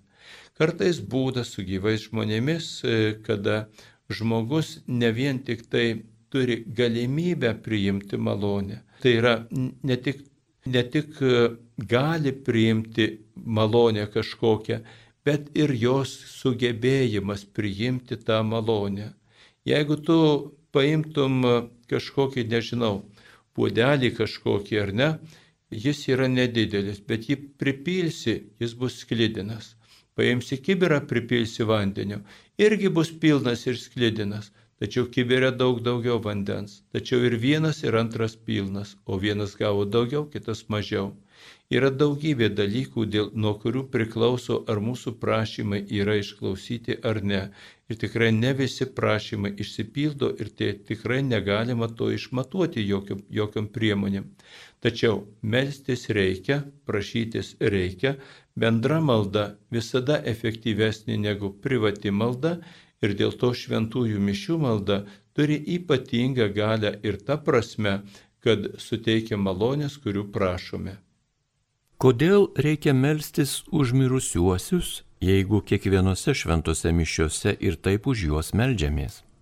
Jeigu visa bažnyčia kiekvienose mišiuose meldžiasi už visus mirusius, kodėl aš už juos turėčiau nesimelsti dar ir prie savo privačioj maldoj. Malda už mirusius priklauso šventųjų bendravimui. Ir tai yra didelė malonė ir mūsų tikėjimo toksai ženklas ir priemonė, kada mes suvokiam, kad mirtis neatskiria mūsų nuo tų, kurie mus paliko. Mes esame jiems reikalingi ir jie mums reikalingi, nes jie taip pat gali mus užtarti pas viešpatį Dievą. Todėl malda už mirusius tikrai yra pagirtina ir netgi būtina tikinčiojo gyvenime. Ar jaunimui sakoma, ar jis žino, kad reikia užsakyti mišes už giminę, artimuosius, mirusiuosius. Kas jiems turėtų tą pasakyti? Sakoma, sako šituos dalykus kunigai, tačiau išgirsta tik tie, kurie ateina pasiklausyti. Tuos dalykus galėtų pasakyti tėvai, vyresnėji žmonės ir tuose šeimuose, kur tėvai užsako šventas mišes, meldžiasi už savo giminę, ir eina į bažnyčią melsis ir savo vaikus vedasi, jiems to sakyti nereikia. Jeigu tėvai tą dalyką pamiršta, o prisimena tada, kada vaikai jau nebesiklauso taip, ir tada gali klausti, o kodėl vaikams niekas nesako, jūs turit pasakyti. Kitas klausimas, kodėl kunigai negėda egzekvijų? E, vadinamos egzekvijos Pats žodis egzekvijos reiškia išėjimo malda, išėjusių malda. Tai yra liturginių valandų dalis, kurio, kurios būdavo gėdamos už mirusius paprastai. Pagal dabartinę liturgiją, pasikeitusi liturgijai, jos visų pirma yra neprivalomos ir ten, kada e, tinka, kur būna iškilmingiau, jos yra gėdamos. E, kai kuriuose bažnyčiose E, dažniau gėda kunigai, jos yra neprivalomos pagal liturgiją. Todėl laisvų pasirinkimų, kur gėdamos, gėdamos, kur negėdamos, negėdamos. Kur padėti akis, kai aplinkui tiek pusnuogių žmonių, sunku išlaikyti skaistumą? Sunku, bet reikia stengtis, žinot, amžinai kažkas būna sunku. Tai per šilta, tai per karšta, tai uodų labai daug kas skrenda, o išgyventi reikia ir išlikti sveikam ir savo kūnu, ir savo dvasia. Šiaip jau, šiaip jau tas skaistumo išlaikymas e, labai yra susijęs su pagarba žmogui. Jeigu žmogus mato kitą žmogų, leidžia savo manyti apie kitą žmogų kaip apie įrankį, pavyzdžiui, su ta prasme, kad būtų gerai su juo pasismaginti, ar ne, nu, tai jam nėra kur dėti e, akių, nes tų įrankių yra daug, mažiau ir daugiau apsirengusių. Jeigu žmogus žiūri į kitą žmogų kaip į asmenybę su pagarba, tai tada jis gerbs ir, ir apsirengusi, ir mažiau apsirengusi žmogų. Va šitas suvokimas turėtų padėti, va tas akis išsaugoti. Kaip nenusiminti ir neprarasti tikėjimo, matant kunigo nuodėmės? Tiesiog reikia suprasti, kad gyvenimas yra, gyvenimas gyvenime yra ir nuodėmė, ir pagunda, ir netgi piktoji dvasia velnės realiai gyvenime veikia. Ir šitą matymą e, pirmiausia praėjo Kristus, kada jis savo apaštalus paskyrė su kunigais, kada, kada sukvietė į paskutinę vakarienę ir, ir visiems atidavė savo kūną ir kraują sakramentiniu būdu. Ir va čia pat Judas išėjo ir jį išdavė. Kaip jam pagalvoti? Apaštalai visi nukrito, ar tai buvo didelė nuodėmė, kad jie visi išdavė Kristų, ar tai nebuvo didelės nuodėmės. Kristus mato tuos dalykus ir jis rodo, kad nepaisant to, ką daro kiti, kas jie bebūtų, kas jie bebūtų, kokiais keliais jie eina, už juos reikia melstis, juos reikia palaikyti, tačiau tavo kelias yra tiesos kelias, o nusidėjėlio kelias, tuok Dieve, kad jis į tiesos kelią sugrįžtų. Ką galvoti, ką daryti, žinant, kad išpažinti esi atlikęs kunigui, kuris yra metęs kunigystę? Jeigu žinai, kad atlieki išpažinti pas kunigą, kuris neturi įgaliojimo e, atlikti kunigiškas apeigas, tada reikia iš karto žinot, kad ir jo duotas išrišimas yra negaliojantis. Jeigu šito nežinai, randi kažkur kunigą, žinai, kad jis kunigas, bet nežinai, kad jam yra atimta teisė naudotis kunig šventimų galiomis ir atlieki išpažinti pas tokį kunigą, tada bažnyčia papildo tavo nežinojimą ir bažnyčia iš to vadinamo savo dvasinio lobino tau nuodėmių atleidimą pripažįsta ir jos išnyksta ir tokios išpažinties kartoti nereikia. Pats kunigas, kuris neturėdamas teisės klausyti išpažinčių, jas vis tiek klauso ir išišimą duoda, jis sunkiai nusideda.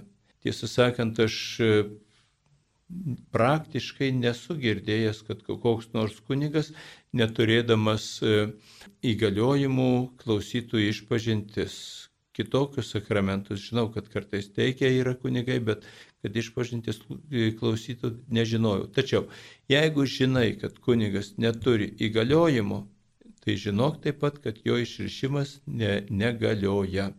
Jeigu šito nežinai ir atlikai išpažinti, tau išrišimas galioja, o kunigas tegu aiškinasi su Dievu ir jeigu reikės su vyskupu. Kas yra dogmos ir kiek jų yra, o kas jas sugalvojo? Dogmų nereikia sugalvoti, dogmas reikia pripažinti. Pavyzdžiui, yra tokia dogma, kad yra vienas Dievas trijuose asmenyse Dievas tėvas, Dievas sūnus ir Dievas šventoji dvasia. Ar žmogus apie tai žino ar nežino, ar tiki šituo ar netiki, šitaip yra, nes tai yra tikrovė. Tačiau ši tiesa yra labai svarbi bažnyčiai ir tai yra viena iš pamatinių, e, pamatinių bažnyčios dvasinio gyvenimo tiesų. Todėl bažnyčia, kad nebūtų kažkokiu ten klaidingų aiškinimų, kad nebūtų nereikalingų diskusijų, konkrečiai šitą tiesą galutinai, galutinai išaiškino, išdiskutavo pagal šventą raštą, pagal apreiškimą, pagal tradiciją ir Nikėjos e, e, susirinkime visuotiniam paskelbė kaip tikėjimo dogmą ir įdėjo į tikėjimo simbolį. Tai, tai yra tas tikėjimo išpažinimas, kurį kalbam per šventas mišes, kad Dievas yra vienas švenčiausioje trejybėje. Ir tai yra privaloma vadinama tikėjimo tiesa. Jeigu šitų tiesų žmogus nesilaiko, neišpažįsta, nesivadovauja, jis tada pažeidžia savo vienybę su bažnyčia tikėjimo srityje. Taigi dogmos yra tikėjimo tiesos, nesugalvotos, bet bažnyčios atrastos, pripažintos kaip būtinos mūsų tikėjimui, bet be kurio negalima gyventi ir tokiomis paskelbtos. Žinot, aš jums galiu paskelbti, paskelbti va tokį dalyką. Jeigu žmogus nori iškepti duoną, yra būtini trys dalykai. Pirmas yra, nu, nesvarbu, pirmas, antras, trečias. Turi būti miltai, vanduo ir krosnis. Jeigu bent vieno dalyko truks, duonos tikrai nebus. Jeigu bus visi trys iš karto, būtinai visi trys iš karto, ne atskirai, tada bus duona, kokia jau ten tokia, bet jau bus. Paskui galima dadėti, pagerinti visokiais dalykais, technologiją pakeisti, ten, e, rauginimą įtraukti, dar kažką tokio. Taip ir tikėjime yra tokių dalykų, be kurių tikėjimas nefunkcionuoja. Ir tuos bažnyčia juos yra išradus, atradus, išaiškinus ir paskelbus kaip neginčytomis privalomomis tikėjimo tiesomis arba dogmomis. Jeigu Dievas yra vienas, kodėl tikėjimų tiek daug yra? Todėl, kad yra daug supratimų apie tą Dievą. Vieni suvokia vienaip, kiti suvokia kitaip. Daugelis tikėjimų Dievą suvokia iš prigimto tikėjimo, kiti kiti iš apreiškimo taip pat, ne vien iš prigimto tikėjimo. Turi daugybė faktorių. O dabar, pavyzdžiui, vyksta karas Ukrainoje. Karas yra vienas, realybė yra viena, tačiau aiškinimų yra daug. Vieni sako, kad šitas karas yra teisingas, kiti sako, kad šitas karas yra neteisingas, treti sako, kad ten visai nėra karo, tik speciali operacija. Vieni sako, kad šitas karas teisingas mums, kadangi dėl šitų priežasčių, kiti mums, kadangi dėl kitų priežasčių. Matot, vieną tokį dalyką žmonės gali labai daugeliu požiūrių išaiškinti. Taip pat ir tikėjime daugybė religijų yra todėl, kad tą vieną Dievą žmonės skirtingai mato, skirtingai supranta. Ar krikščionybė visada buvo meilės religija? Krikščionybė visada buvo meilės religija, kadangi krikščionybė tai yra vienybė su Kristumi. Ar visi krikščionys buvo mylintys žmonės, ar visose situacijose, ar kiekvienu laiku, va čia jau yra e, skirtingų dalykų. Pati krikščionybė visada yra meilės religija. Ką daryti, kad tikybos pamokos moksleiviams būtų geresnės? Vaikai labai skundžiasi. Plamai gyvenimas galėtų būti geresnis, yra daug tokių, kurie skundžiasi, kad, kad e, gyvenimas būtų geresnis. Pirmas dalykas tai tikybos Pradėkim nuo mokytojų. Mokytojai yra skirtingi. Ten, kur yra tikrai geras mokytojas, nesvarbu, kokią discipliną jis dėstytų, ar geografiją, ar matematiką, ar kalbą, jo disciplina vaikams būna įdomi. Antras dalykas e, - tai yra mokiniai. Jeigu mokiniai įsijungia, jeigu jie tikrai nori kažką gero tuose pamokose išgirsti, jie tikrai suranda. Kas jiems neaišku, jie pasiklausia. Bet jeigu mokinys atmeta tą tikybą, atmeta kažkokį mokslą ir sako, kad mokytis neįdomu, kad mokytis nuobodu, čia ne tik apie tikėjimą, taip mokiniai sako, ir apie daugelį kitų dalykų. Žodžiu, reikia gerinti ir mokinius, ir mokytojus.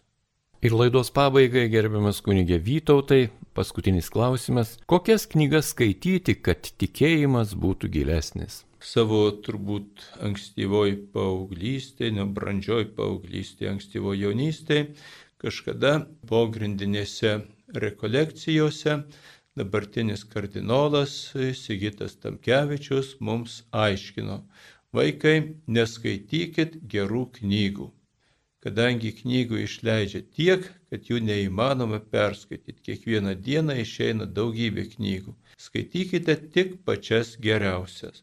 Ir tikėjimo požiūriu reikia skaityti tas knygas, kurios, kurios mums yra geriausios, tinkamiausios, e, kurios atitiktų mūsų supratimą, suvokimą, išsilavinimą. Jeigu tai būtų dvasingumo knygos, tai kurios atitiktų mūsų dvasę, mūsų širdį, mūsų jausmus, nes vieni dalykai vienų jausmus paliečia, kiti kitų jausmus paliečia. Yra tos knygos, kurios mažiau paliečia jausmus, bet duoda didesnį pažinimą. Žodžiu, dabar galimybės yra didžiulės. Tiesiog kažką paskaičius, geriausia būtų rasti, su kuo pasitarti, įvertinti, kas ir kuo patiko. Ir tada galima atrasti tą kelią. Malonus Marijos radio klausytojai, dėkojame Jums, e, kad šias dvi valandėlės praleidote kartu ir klausėtės atsakymų į Jūsų radio klausytojai užduotus klausimus. Šiandien Jums atsakinėjo Vilniaus arkiviskupijos tribunolo oficiolas, bažnytinės teisės mokslų daktaras kunigas Vytautas Brilius, klausimus perskaitė Liutauras Serapinas. Dėkoju Jums, gerbiamas Vytautai, už paukotą laiką Marijos radijui ir Lietuvos tikintiesiems. Tikėkime, kad Jūsų atsakymai nepapiktino, o kaip tik papildė ir praplėtė mūsų krikščioniško gyvenimo akiratį. Taigi ačiū visiems, Jums labai. Ačiū visiems už kantrybę ir Dievo palaimos Jums. Su Dievu. Su Dievu.